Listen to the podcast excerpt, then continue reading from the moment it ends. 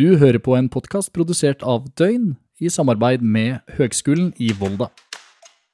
Det starta i Volda, og hva gjør du nå?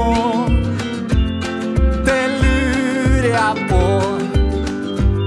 Det har vært 50 år med medieproduksjon, men det føles egentlig ut som om det var i fjor. At det starta i Volda.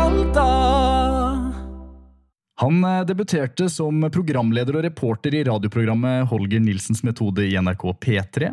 Var programleder for Barne-TV på NRK og ungdomsprogrammet Trigger sammen med Solveig Kloppen.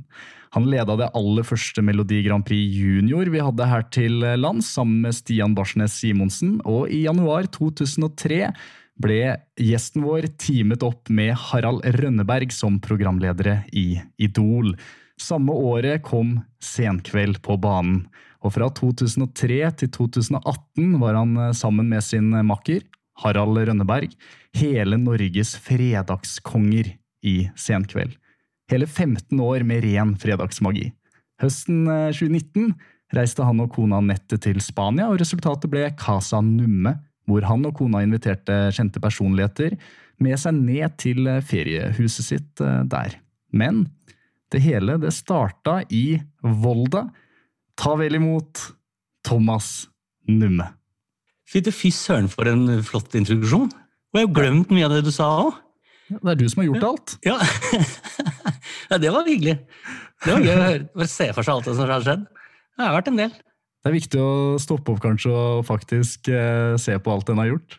Ja, for det er sjelden man får tid til. altså. Det er liksom, eh, Som regel så ser man bare framover. Og det er litt synd. Man må stå på litt. Jeg har klart det litt etter vi slutta med senkveld. Jeg har gått litt tilbake og rota litt med noen gamle kasser på loftet. Og det er de kassene vi skal se oppe i dag, Thomas! Yes! hvor, hvor, befinner du deg uh, i landet? Hva, hva, er det som skjer om dagen?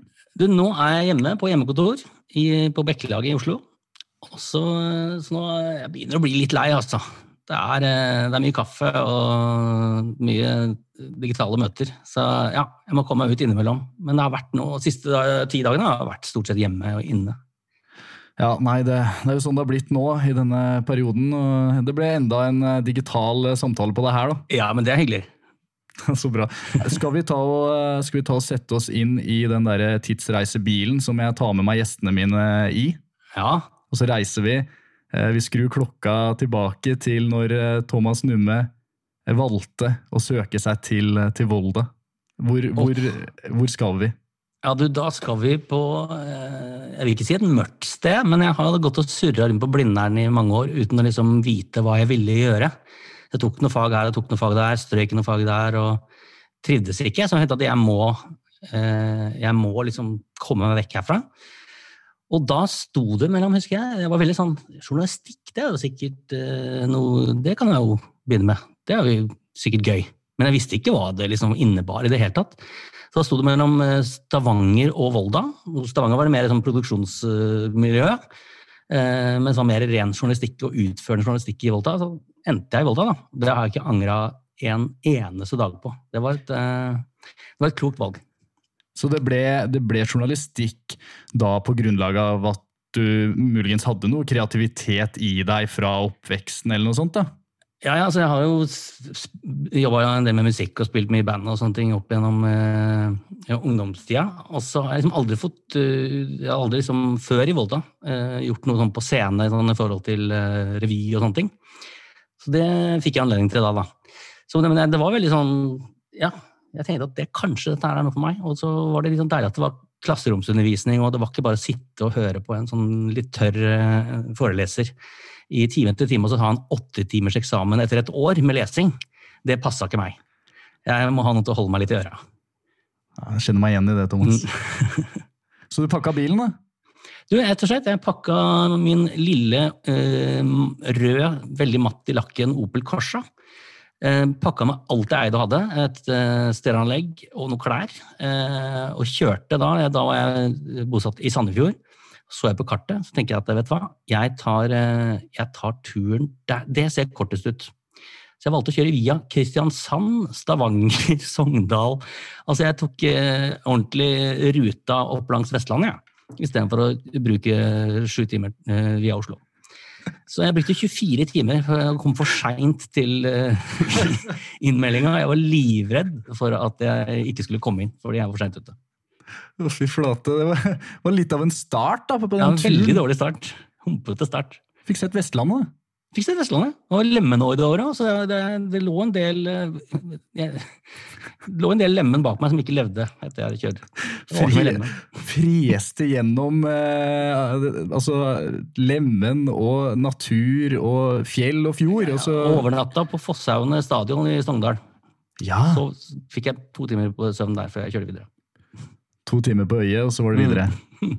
Men når du da rulla opp i Volda, Opel Corsa, rød, ut døra Kjente du ingen? Eh, Var det et nytt kollektiv? Eh, Hva, hva var eh, greia? Nei, Greia var at jeg kjente absolutt ingen. Eh, Så det var jo litt sånn Jeg må si at jeg var ganske spent. Jeg er en litt sånn Det er ikke alle som tror på det, men jeg er en sånn sjenert type, egentlig. Sånn mm. på privaten. Så jeg er ikke sånn veldig utadvendt. Eh, Så det var litt sånn prøvelse.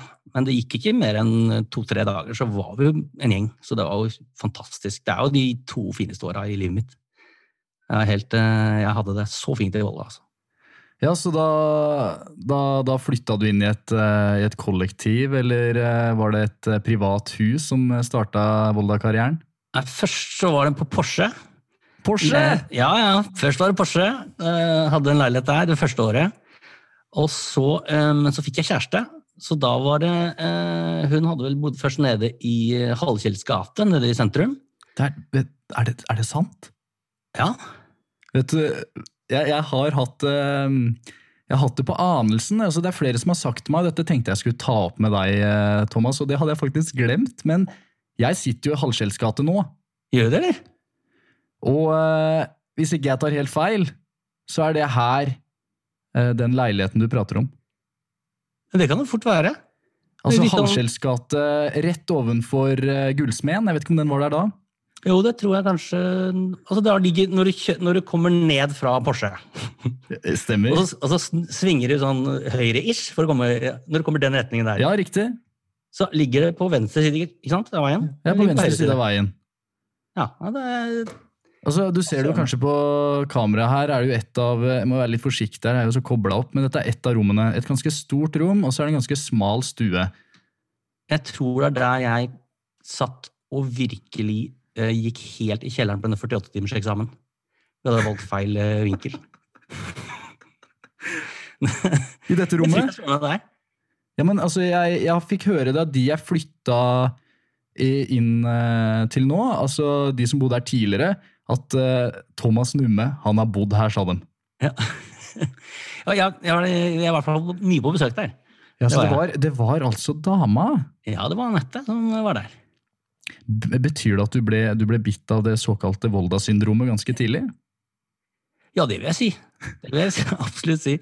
Nei, jeg syns jo det, det var jo altså hele det Volda-livet Først var det da Porsche, og så var det Halvkjells gate. Så flytta hun til Skrivarvegen.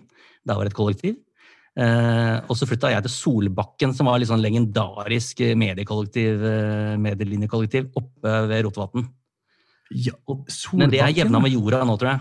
Men der bodde vi, der var det utedass, og øh, vi fant Jeg tror vi fant sånne Jeg tror vi fant ca. 30 sånne tjukk-TV-er på loftet. Eh, fordi alt hadde konka, bare satt det på loftet.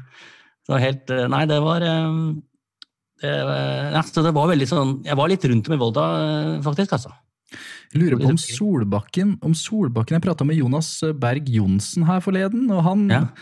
han er jo noen år etter deg igjen i Volda, men han snakka om Rotevatn og Solbakken, tror jeg. Som et sånt legendarisk studenthus.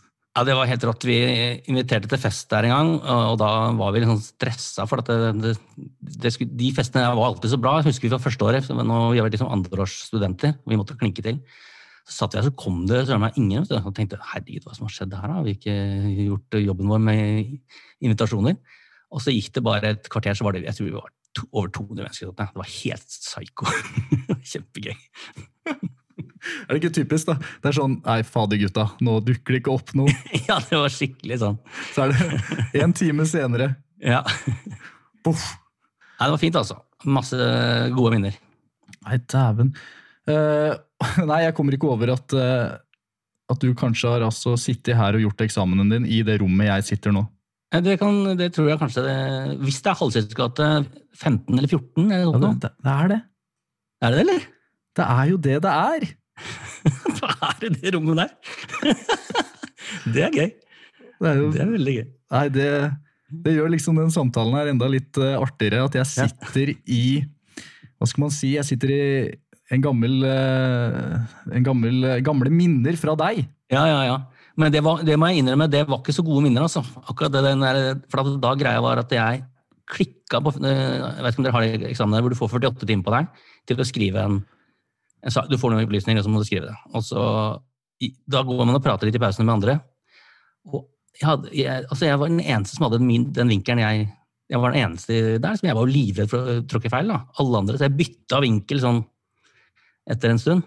Og da fikk jeg jo helt hetta. Så skrev jeg meg helt bort, og så endte jeg opp med å levere fire sider etter 48 timer. Men det gikk bra, altså. Ja. Nå hadde andre skrevet 50 og sånn. ja. Ja altså det virker jo som at, eh, at du kom deg videre fra den uh, firesideren nå. Ja, ja. Kan du, kan du klare å huske hvordan en vanlig uke var i Volda for deg, eller? Eh, ja, det var eh, Altså, vi var ganske flinke sånn, med mindre det var konserter. Mandag, tirsdag, onsdag, torsdag var ganske sånn eh, jobbedager. Eh, med mindre det var konserter, selvfølgelig. Det skjedde noe på Groa. Eh, og så eh, var det veldig mye eh, gøy og festing i helgene. Eh, den gangen så var det jo ikke øl i butikkene. Da måtte vi kjøre til Ørsta, på ølutsalg i Ørsta, for å få tak i øl. Nei. Og hvis man skulle ha sterkere saker, så måtte vi gå ned på kaia, for da kom det med ferge fra Ålesund. Så det var jo strenge tider, altså. Spritferja fra Ålesund? Ja, ja, kom sprit, spriten fra Ålesund. Eh, så det var veldig Ja, nei, det, var, det var andre tider. Veldig, veldig Og jeg hadde, jo- var, hadde bodd i Oslo noen år, så var litt, det var litt uvant å liksom ikke ha ting tilgjengelig. Men sant. Altså komme fra Oslo da, til denne lille Følte du at det var litt klaustrofobisk, eller? Ja, første uka så skulle vi liksom, ja, vi skal hjem til helga, og sant? alle var sånn uh, tullinger. Det gikk en uke, og så ville ingen reise hjem igjen. Da ville alle bare være i Volda i to år. Og eh, det var eh, Nei, det var sånn Jeg hadde et utrolig kult eh, Det kullet jeg gikk på, var utrolig mange fine mennesker, som jeg har kontakt med mange av dem i den dag i dag, altså. Så det er veldig, veldig hyggelig. Ja, Det er noe med den Volda-magien. Jeg har vært her i et halvt år, og jeg, jeg kjenner jo på akkurat det du sier. Jeg misunner deg at du har halvannet år til. Ja, sant. jeg føler at det har- det har skjedd liksom så mye allerede, og det er jo bare et halvt år. Ja, ja. Nei, du kan glede deg. Det vil jeg si. Så det var, eh, det var ikke rocken hos dere, det var, det var kroa. Kroa, ja. Det lå nede ved havna. Ja. Så det lå vel ikke så langt, den rocken ligger vel litt lenger oppe i byen, tror jeg. Altså, det lå jo helt nede ved kaia, liksom. Eh, det var, og det var 1,80 under taket omtrent, så det, var veldig klaustrofobisk når liksom datidens ja, DumDum og Seigmen var et band som hadde sånne store lysrigger, liksom. Og det var, eh, de måtte jo bøye seg for å stå oppreist, omtrent. Så det var eh, Nei. Det, som sagt, andre tider. Fy flate, det hørtes, uh, hørtes tøft ut å stå og høre på DumDum Boys på kroa. ja. Med litt Ålesund sprit i innerlomma. ja, nydelig. Men uh, Thomas, uh, du, du sa akkurat at du selv ikke nødvendigvis er en veldig utadvendt person, kanskje. Altså, at du ikke kanskje var den eh, typiske programlederskikkelsen når du da gikk i Volda. Hvordan, hvordan begynte du å nærme deg liksom, tanken på at kanskje, ok, hvor, hvor skal jeg finne meg til rette i denne, denne medieverdenen? Er det, er det programleder du tenkte på den tida? Nja, jeg, jeg, jeg var med veldig sånn på Jeg gikk jo radiolinja, så jeg var veldig på sånn redigering. Jeg syntes det var skikkelig gøy. Så skulle vi ha en sånn eh, en hel time sending, jeg og en kamerat som jeg fortsatt jobber med, som heter Terje Ramberg, som var produsenten til Senkveld i alle år. Ja. Vi to skulle ha en times eh, radio. Eh, og da hadde vi brukt all tida vår på å klippe de innslagene kjempebra. Så hadde vi glemt å skrive de studiostykkene. Og etter at det hadde gått et halvt minutt, så visste vi at vi hadde ikke tenkt på hva vi skulle si de neste 58 minuttene. Det var litt sånn grave seg ned-følelse, men innslagene blei veldig fine. Så det, de 2.30 de var kjempebra, og de resten var litt sånn skravlete, tror jeg. Ikke veldig bra forberedt, i hvert fall. Så um, Nei, vi var um, Jeg husker vel at um, etter den studentrevyen, da fikk jeg litt sånn tenning. For da, da hadde bestemt meg for at hvis vi skulle hvis vi skulle hvis det ble satt opp en sånn studentrevy, så skulle jeg være med på det, for jeg har aldri vært med på noe sånt nå. Og det var ordentlig, ordentlig gøy. Og vi ble en bra gjeng, og da fikk jeg litt sånn ok, da kan jeg prøve meg litt sånn her òg. Men jeg var ikke fremmed for å stå på scenen. Altså, bare, jeg, er mer sånn, jeg tenkte når vi møtte nye mennesker, når man er helt aleine, ikke kjenner noen, da er ikke jeg den som står med armene ute og 'Halla, folkens! Åssen går det med dere?' Jeg går litt stille i gangene der, og jeg liker å bli kjent med folk eh, litt sånn rolig. Ja, jeg skjønner. Og, og revyen var jo en fin eh, arena da, for å på en måte få vist eh, noen av de talentene dine. Ja, det var veldig, veldig gøy, altså. Det var, eh, det var veldig sånn intenst. Jeg husker vi, vi sto de to siste nettene, så sov vi ikke. Da var det bare øving og øving og terping og terping. Og vi hadde fire, det var ikke mer enn fire forestillinger. og sånt nå. Men det var helt fantastisk, og gode tilbakemeldinger, og folk var veldig lo og koste seg. Så ja, det, det vekka et eller annet i meg, tror jeg. Hva slags uh, sketsjer var det du var en del av? Jeg var sånn gjennomgangsfigur. Jeg var, uh, jeg var Askeladden. Uh, en sånn Ivo Caprino-figur som gikk rundt og var med store øyne og var veldig, veldig blid. Eh, så jeg kom inn som han gjennom hele revyen. da. Nå skulle, nå skulle, de som lytter til denne podkasten ha sett deg, fordi du, du, du, ligner jo litt skremmende på de Caprino-figurene. Altså, Mange som kaller meg Mysil Bergsprekken. Han er hjelperen til Rudolf, Brosebjørn. Ja, så, så, ille er det ikke, men, men det er jo tendensen da, når du, når du vrenger om ansiktet der. det er noen svære øyne, i hvert fall. Nei, Så gøy. Så da, da, spilte du Askeladden. Eh, da må jo folk ha sett deg i Volda, og du ble jo en slags uh, moromann? da? Ja, der ble jeg jo det, men jeg var ikke sånn veldig uh, moromann, egentlig, tror jeg. Men jeg var veldig sånn Vi jobba hardt. Vi, vi, vi, var i studio og klipte ting på natt, nattestid og, og liksom Ja, vi ga oss ikke før vi hadde det, på en måte. Det var en utrolig sånn learning by doing-greie, men å ha tilgang på masse utstyr og, ja, Det var jo en drøm for oss som syntes sånt var gøy. Så, ja, vi, men det var liksom en fantastisk blanding av det, det sosiale og det faktisk faglige. Og den derre eh, lage ting, da. Produsere ting. Det syns jeg var skikkelig gøy. Ja, helt, helt enig. Og Eh, var det, var det, praksis eh, som tok deg videre, og det steget videre vekk fra, vekk fra Volda? Var det at du søkte deg eh, til en redaksjon eller noe sånt, eller var det noen sommerjobber, ja, eller? Det var litt flaut. Jeg møtte jo kona mi, Anette, møtte jo jeg eh, etter én uke i Volda. Det var én uke, ja? En uke, Og så og så, for da kom hun inn eh, med en fyr. Hun er jo han, hun er taken, ja fordi det var litt sånn flott kar. Så viste det seg at det var broren som gikk året over. Så det var perfekt. Da skjønte jeg at hun var singel. Yes. Det var topp. Så, men jeg brukte tre måneder på å overtale, da. Men eh, så når vi da endelig Da var vi sammen i Volda hele tiden, men da vi endelig skulle velge praksis, ja. så valgte vi samme sted. Nei, og hvor flaut er ikke det når du drar med kjæresten din på samme sted? Vi la, prøvde å late som vi ikke var kjærester. Eh, når vi kom da til P3 Trondheim, i programmet Opptur, som er liksom P3 Morgen den gangen, ja. Eh, og lata som vi ikke var kjærester. Det, det, det skjønte de fort. Så det, det var en dag der med sånn late som. Så var vi der i hele praksisen og hadde det kjempegøy og lærte så veldig, veldig mye der òg. Så det er det, det å få utført ting som er, er greia. da. Ja, jeg er helt, helt enig. og det å få vist til noe og laga ting. Og her eh, tok du jo da med deg den store kjærligheten i, i praksisperioden. Var det, jeg skjønte at var det to års utdanning på journalistikk? Ja. ja.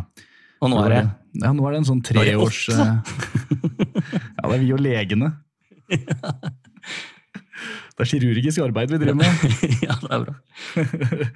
Nei, så, um, så du uh, du var altså da ferdig med andreklassen når du dro ut i den Nei, praksisen, når var den? da? Ja, Praksisen var da siste deler av siste halvår. Ja. Eh, semester, fire, fjerde semester, da. Og da dro jeg, ja, da dro jeg eh, til Oslo eh, og jobba som researcher for Tande P Lørdagsunderholdning. Eh, 2,1 millioner seere hver lørdag. Eh, så da, da var jeg liksom eh, ansvarlig for hva som skjedde i bakgården. Så da har jeg og Tande P var sånn som man, hvis det var sommer, så ville han lage vinter, og hvis det var vinter, så ville han lage sommer. Så det var det om å for meg. Og jeg ansatte hele Ås, eh, landbrukshøgskolen på Ås, midtvinters, på å lage full sommer bak i bakgården der. Rulla ut gress og bare gjorde det. Det var et veldig fantastisk opplegg, egentlig. Men jeg hadde alt ansvar for det, til øksekast, en sånn der, eh, ekstrem eh, tysk fyr som eh, drev med øksekasting, en annen tysk fyr som uh, kunne skjenke vin med et sånn uh, Hva heter det, nå er det helt, står det helt stille for meg. Sånn med trøkk, liksom. Med sånn uh, gaffel, gaffeltrøkk. Og han var helt rå, kunne gjøre hva som helst med den gaffeltrøkken. Å, dæven! Det var et veldig folkelig og fint program. Men der jobba jeg seks dager i uka, for da var det jo livesending eh, på lørdag, og så var det opp eh, på jobb igjen mandag morgen. Så det var sånn, det var hele tida. Da sov jeg ikke så mye på det halvåret der. Ja, Det må jo ha vært eh, tøft da, å komme inn i et sånt kreativt miljø. Ja, det var veldig kult, for at, og det, da var jeg sånn på en måte runner, da, for jeg skulle gjøre alt. Mm. Eh, skulle, eh, Men da ble jeg jo kjent med hele NRK i løpet av et halvt år. For at da var jeg innom snekkerverkstedet, jeg var i kostymen, og jeg, var, jeg skulle liksom innom alle de for å hente ting ikke sant? Jeg, som jeg trengte til disse innslagene. Da ble vi kjent med mye folk, da. Så det var veldig hyggelig. Klart, eh, Visste du eh, på den tida at eh, det var eh, du som på en måte skulle bli den eh, neste Tande P om noen år? da? Nei, det visste jeg ikke, men jeg husker jeg fikk, da jeg slutta, så fikk jeg en bok av Tante P. En sånn krimbok som han hadde skrevet, og der sto det eh, 'Takk for alt arbeid, Thomas. Du kommer til å nå langt'. Og da var jeg stolt. Den satt. Den satt. det var Ste Lørdagskongen på NRK. Legenden. Den må, jo, den må jo sitte litt, da, liksom, eh, når Tande P sier det. Så ok, kanskje, kanskje det var rett og slett eh, det du skulle gjøre, bli programleder. Var, var det sånn det gikk, eller etter, eh, etter du var ferdig der? Hvor gikk reisen videre? Ja, da reiste, gikk reisen videre tilbake til Trondheim, til, okay. P3. Og da begynte jeg som produsent for eh, en sånn lørdagsprogram der, som var sånn hvor det var fire live, eh, live i Tromsø, live i Stavanger, live i eh, Kristiansand eller Bergen og Oslo. Og jeg skulle, jeg skulle ha styr på alle disse som var ute med HF-senderne sine, og en programleder. Så det var også veldig sånn morsom greie. Men da var jeg også litt innom i studio. Eh, hadde jo rødlys, rødlysskrekk da, men eh, kom inn og fikk gjort litt greier der. Eh, fikk lagd en julelåt, eh, produsert noen sånne ting. Og så jobba jeg også litt sånn vikarprodusent for det morgenprogrammet. Så det var én sending hvor jeg da hadde, var produsent for eh, kona mi, som sto i studio. Og det var liksom oss tre tidlig morgen og så var det oss tre er da en eh, tekniker som sitter med ryggen til meg. Eh, og, jeg ser rett over han, inn på kona mi. Og der var det noe greier som jeg hadde gjort gærent. Som ikke, for hun var programleder, og hun var vant til at ting gikk som normalt, og jeg fucka opp det greiene der. Ja. Og da gikk det noen sånne signaler mellom rommet som han bare sensa han teknikeren. Hva faen er det som skjer her nå? Hva, hva skjer her? Det var ikke noe ble sagt. Det var bare sånn, det freste i det studioet der. Jeg ikke kjeft når jeg kom hjem. Jo, jo, men eh, det var vel en del av det å, å skulle jobbe seg oppover og være, ha noen sånne små feil. og Definitivt. Det er det det handler om. Så fra, fra P3 da, skal vi se, jeg hadde det jo på arket her, så ble det barne-TV. Ja, stemmer. Da var det eh, Leos videosirkus først. Eh, mange episoder hvor jeg drev og fikk noen dyr på besøk og viste noen tegnefilmer og sånne ting. Det som var litt gøy, var at gikk, jeg produserte mange sesonger på en gang. og så Dette var oppe i Bogstadvannet. Og så hadde vi hatt en lang opptaksdag, og da hadde det allerede begynt å gå på TV. Og så eh, hadde jeg glemt noe i den bua som jeg da bodde i som Leo. Så jeg gikk tilbake for å hente noen nøkler eller et eller annet. Mm. Og når jeg kommer ut igjen, da er akkurat han, en liten gutt som var, eh, bodde ved siden av der, da. Han hadde kommet ut etter å ha sett på barne-TV, og da ser han jeg låse meg ut av den bua. Så det var jo så live som det kunne være, liksom. Det var jo så ekte for han. Fem år gammel gutt bare Hei, Leo, jeg så nettopp på deg! Vel hjem! Stakkars gutt! Det var kjempebra. Må, jo, men han levde jo i en fantasiverden, han da. Ja, Han levde i en fantasiverden. På ekte. Og, og det er også litt sånn eh, skummelt med de der eh, med de der barne-TV-ene, for da skal du oppføre deg veldig ordentlig vet du, når du er på barne-TV. Ja. Det er viktig, det. Eh, og så var jeg hjemme i eh, Dette var den samme perioden, var jeg hjemme i Sandefjord på sommerferie, og da eh, er jeg masse gamle kompiser, så vi da eh, skulle ut på vannet. Eh, dag to. Eh, og jeg var litt fyllesyk og litt sånn nervene utapå kroppen. Eh, gikk med solbriller, den gang røyka inne i butikken. Eh, kommer ut av butikken med en sixpack under hver arm og påtent sigg, og så står en liten gutt der og sier 'Hei, Leo'. Og så, og så er jeg sånn stressa av hva skal jeg si for noe. Så sier han 'Hva gjør du?' Så hadde jeg ikke noe bedre at jeg bare lener meg over når han sier 'Leo kjøper øl'. og så sto mora bak med sånn veldig rart ansikt. Så det var ikke så kult. Så ja, hvis du skal begynne med barne-TV, så må du passe deg. Oppføre ordentlig. Med Ivo Caprino-øynene. Ja, ja, ja. Gjemt bak mørke solbriller. Så Nei, jeg, skjønner det er noe med den balansen da, med, med, barn, med barne-TV og, eh, og, et, og det livet man faktisk lever ved siden av det. Det er jo en balanse. Ja, ja. Veldig balanse. Ja, så var det også sånn, et- Etter det så var det noe som heter Nå er det nå. Som var sånn der, det var en veldig gøy opplevelse. For det var sånn um, eh, nordisk samarbeid, så det foregikk i, innspilling foregikk i Stockholm. Med liksom Islands programleder, og min, jeg og Danmark og Sverige og Finland og alt sammen. Så det også var en litt sånn uh, gøy greie. Um, Hva skjedde, hva skjedde i Her og nå? Hva var det konseptet? Uh, nå er det nå. Det, det, det, var, rett og slett- er det, var rett og slett en sånn veldig sånn pedagogisk. Da. Du skal lære forskjellen på Det var stila mot fem-seksåringer. Og du skulle liksom lære forskjell på mellom og gjennom og under og over. Og, det var veldig sånn, ja, tydelig. Eh, men gjort ganske fint, egentlig. Eh, Ikke noe klipping, bare ett sånn én kjøring, da. Så jeg måtte jo pugge tekst ganske bra. Du hadde sånn strekk på fire minutter som du skulle kunne. Og eh, han, fotografen hadde x antall vinduer å gå gjennom i denne bitte lille bua som sto oppå opp på en stor halv, halvkule. Eh, så det var liksom en dans, nesten. Bare at vi måtte jo skjønne når vi skulle møte hverandre. Jeg som programleder og han som fotograf. I da fire minutter sammenhengende. Og en liten skred der, så er det ferdig, liksom. Så da, måtte man være skjerpa. Så one take, altså? One take hele veien. Live? Nei, ikke live. Nei, takk Gud. Det hadde ikke funka. Så, og ved å gjøre alle disse tingene her, du må jo bare blitt eh, tryggere og tryggere på den rollen som eh, en presentør, da, eller en Jo, programleder. ja, det blir man, for det er jo sånn øving Det er jo øving i mester her. I forhold til å Ja. Jeg var jo, som sagt eh, Vi hadde Radio Volda, eh, Volda-sendinger Mm. utelukkende for studentene. Hvor det bare var eh, en høyttaler i kantina, liksom. Det var ikke noen, det ikke, gikk ikke ut til noen store folk. Sånn. Jeg var jo livredd for, for å gå på lufta der. Og syntes det var helt forferdelig at noen skulle sitte og høre på det rølet mitt. Så, men etter hvert så blir man tryggere og tryggere, som du sier. Så det starta da med de radiosendingene som bare gikk ut til kantina i Volda? Ja. Dæven, hva, Det var hva, hva, ja, hva hadde dere sendinger om da? Nei, da eh, Ja, gud, nei, det var jo sånne lokalting. da. Det var jo han, eh, sikkert han skomakeren den gangen som har blitt intervjua hvert år i 50 år av alle studenter. Eh, det er sikkert mye av de samme. Og så var vi nede på jeg har sittet nede på Volda kommune og leita i papirer og for- forsøkt på å finne noen saker og greier. Det er jo gjort hele greia.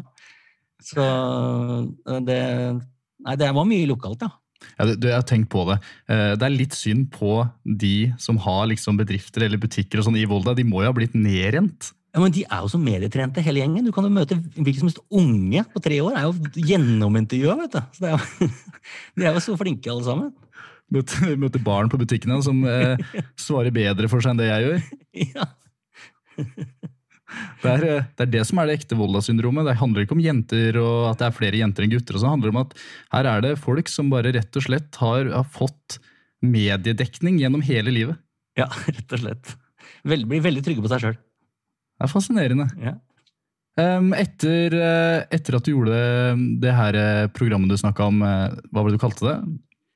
Eh, nå er det nå, heter det. Nå er det nå, som var Ja. et inter, ikke internasjonalt, men sånn nordisk opplegg. Ja.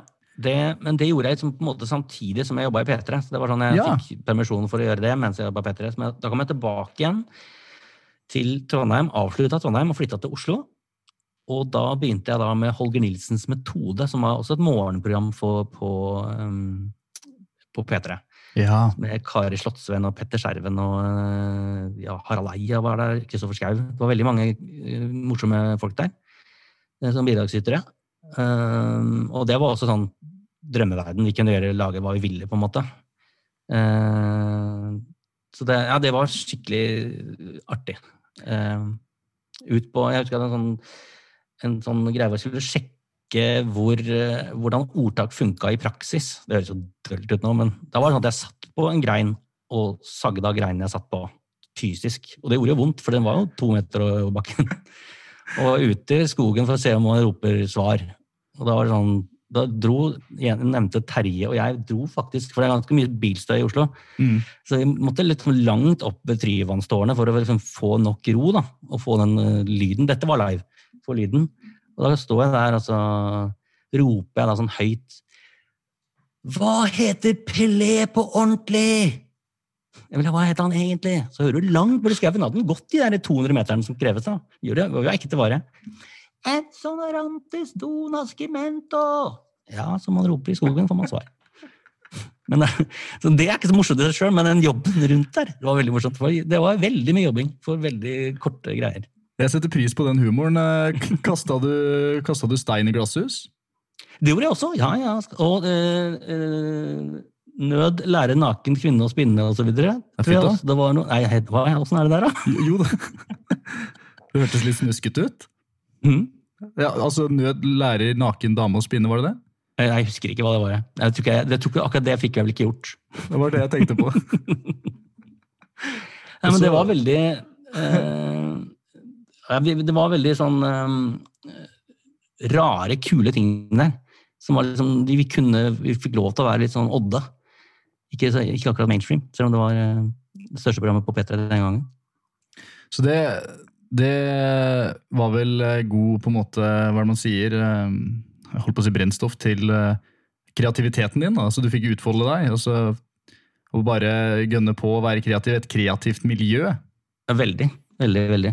Og lærte masse. Eh, og da, men da også var det igjen, da måtte opp eh, Vi hadde den første timen, sånn selvkjøringstime aleine.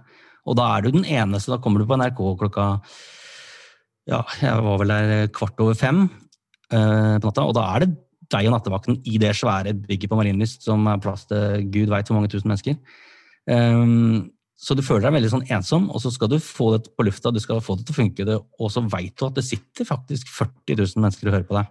Den fikk jeg noen ganger. sånn, Så for meg Valle Hovin foran meg og bare Å, fy søren. Eh, fucker jeg opp nå, så fucker jeg skikkelig opp, liksom. Det er jo bare meg som er her nå. Det er ikke noen som hjelper meg ut av dette her. Ja, det, det kunne jeg ikke tenkt for mye på. Nei. Men det gikk noe. Jeg tenkte på det den første uka, i hvert fall. Men så gikk det over. Ja, Ekstremt god læring, da. Mm, veldig. Og eh, hvor langt unna er vi det at du møtte Harald eh, Rønneberg da, i Idol? For jeg regner med at det på en måte var starten på Senkveld-eventyret?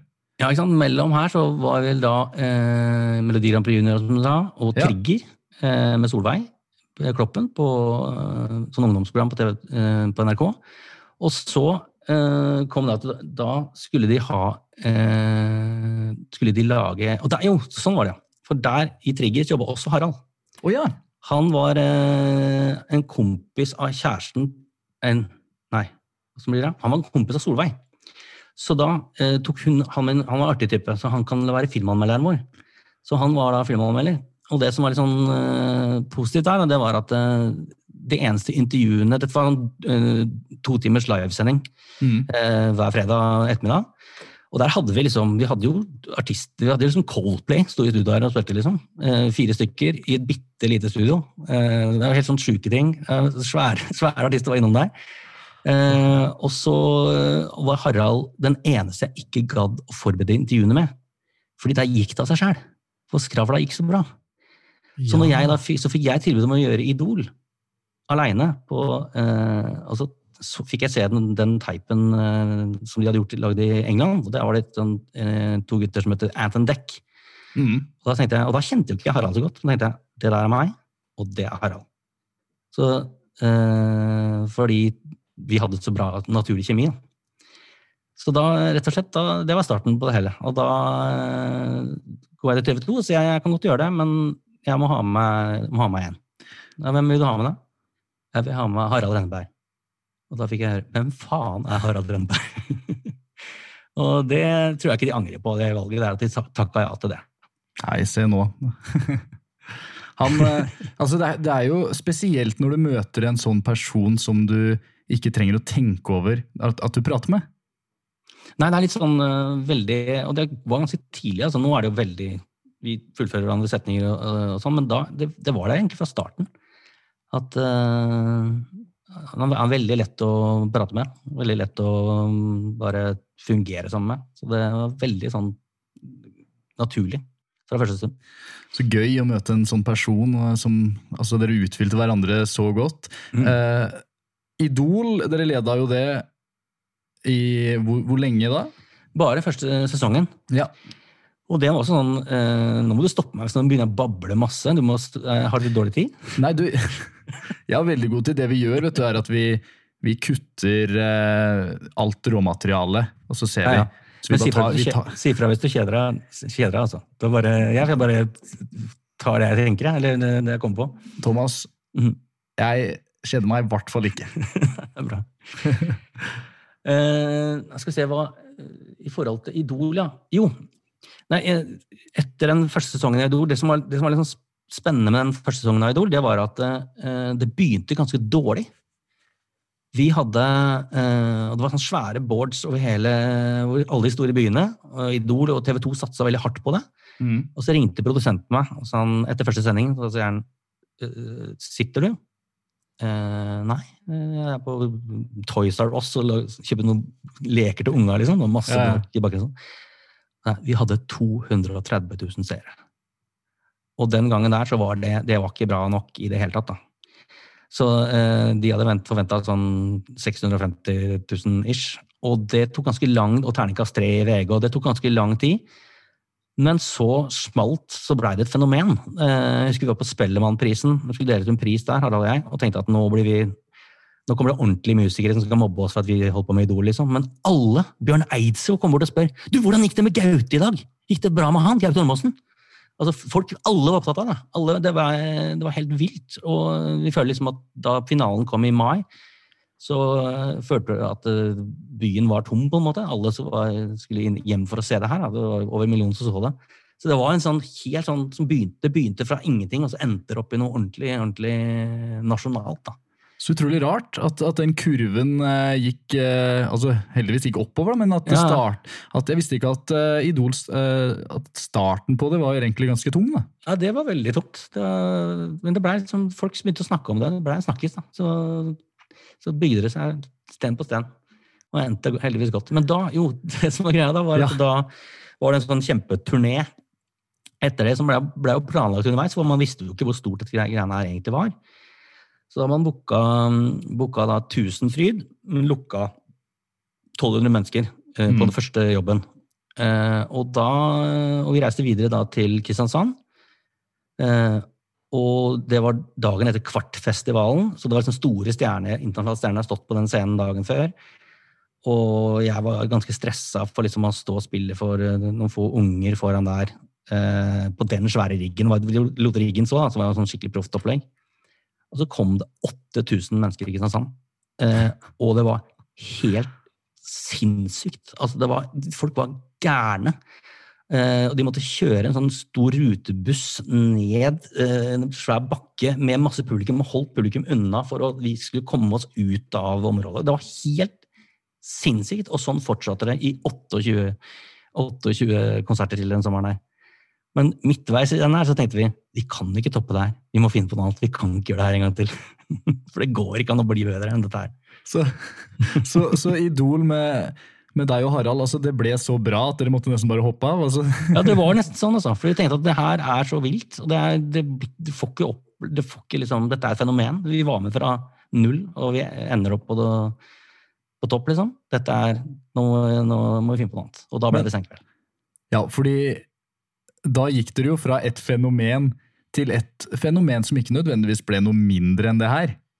Nei, nei, nei, det, nei absolutt ikke. Uh, og det er jo litt gøy, da, for jeg husker at jeg, jeg ikke, jeg hadde nok en litt sånn der, eh, naiv uh, holdning til det. For jeg, da var det jo ikke noe tradisjon for, um, for fredagsunderholdning på TV 2. Da er det vi skal lage en tradisjon. Uh, det skal bli en tradisjon å skru på oss hver eneste fredag. Ja. Og alle lo litt av meg. Eh, Men det klarte vi, fader meg. Men det var også litt sånn hard jobbing, altså. Fordi vi hadde noen seertall i starten der som, og noen sendinger som ikke var så veldig bra. Vi, eh, jeg husker jeg møtte Jo Nesbø noen år etterpå. Så sa han det var så gøy, det var så gøy å, å se dere i starten, for det så ut som dere lekte at dere hadde, hadde talkshow på TV.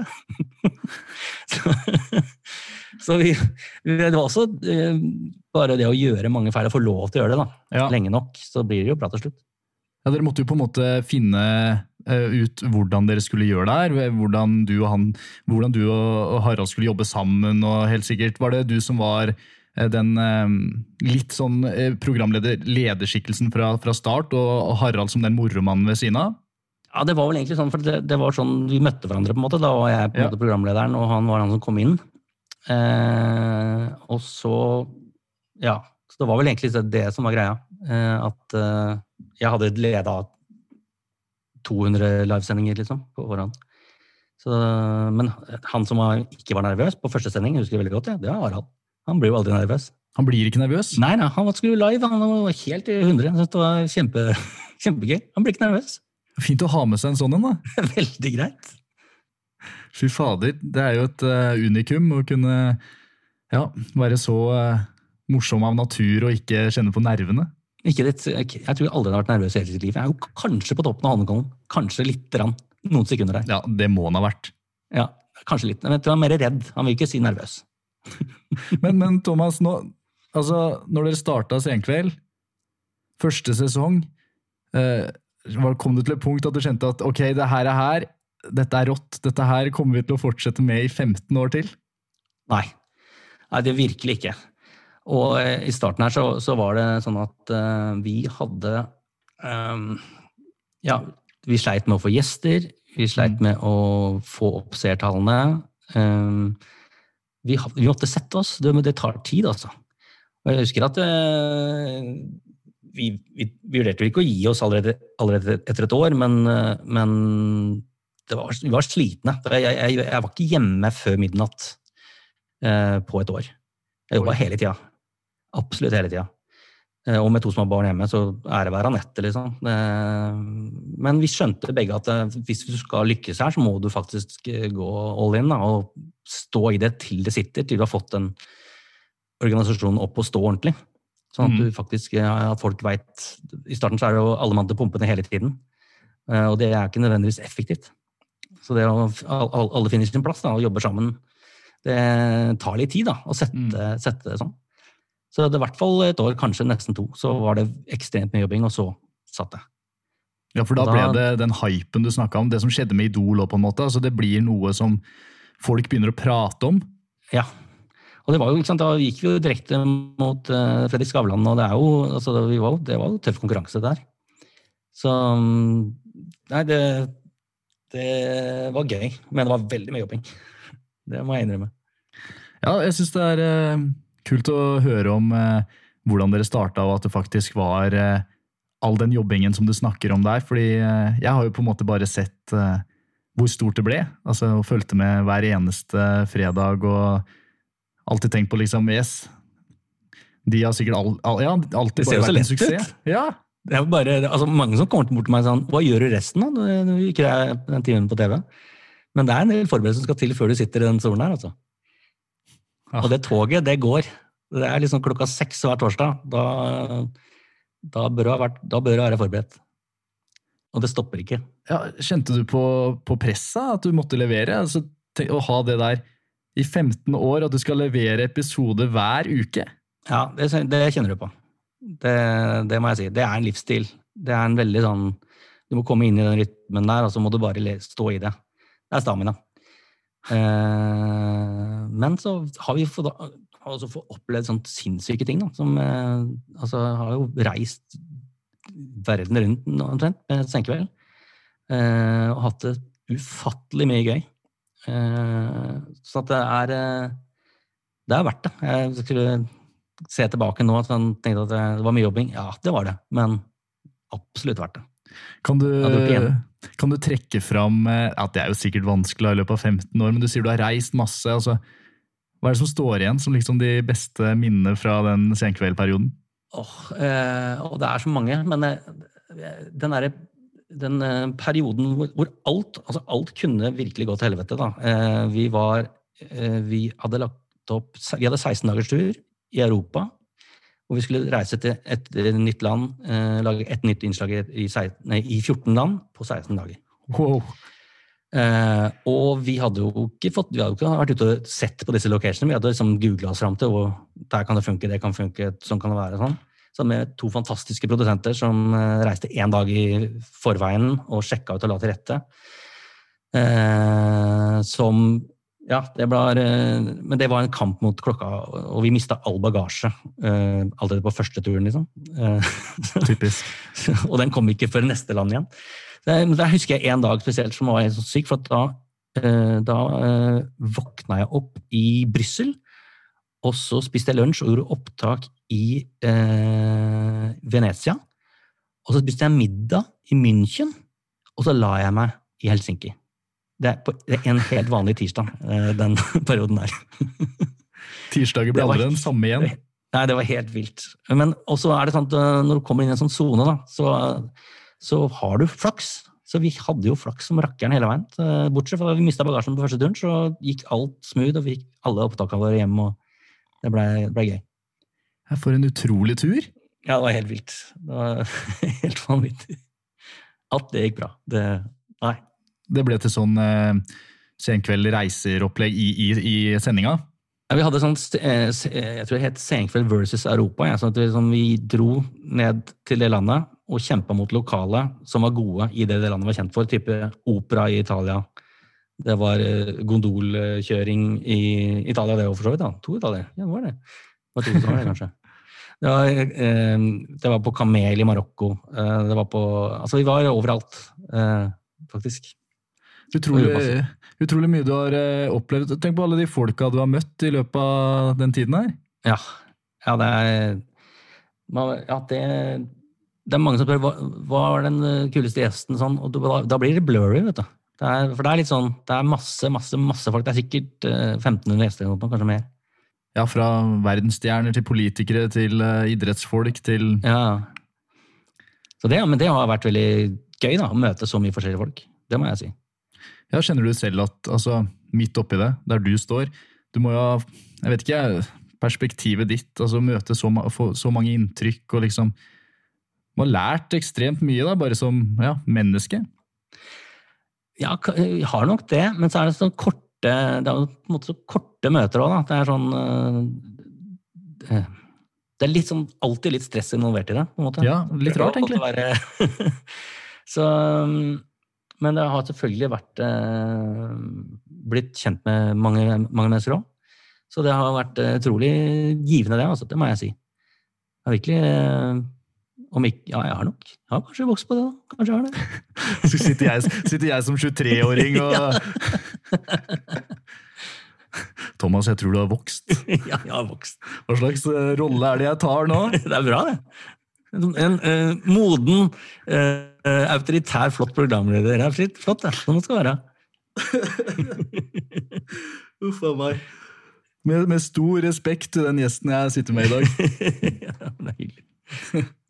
Jeg var, uh, altså Det skal sies, Thomas, hele kollektivet mitt, alle gutta som jeg jobber med, de, de var spente når jeg nå skulle gå inn i rommet og, og, og prate med deg. og Jeg skal, jeg skal si til dem at uh, det var i hvert fall ikke skummelt.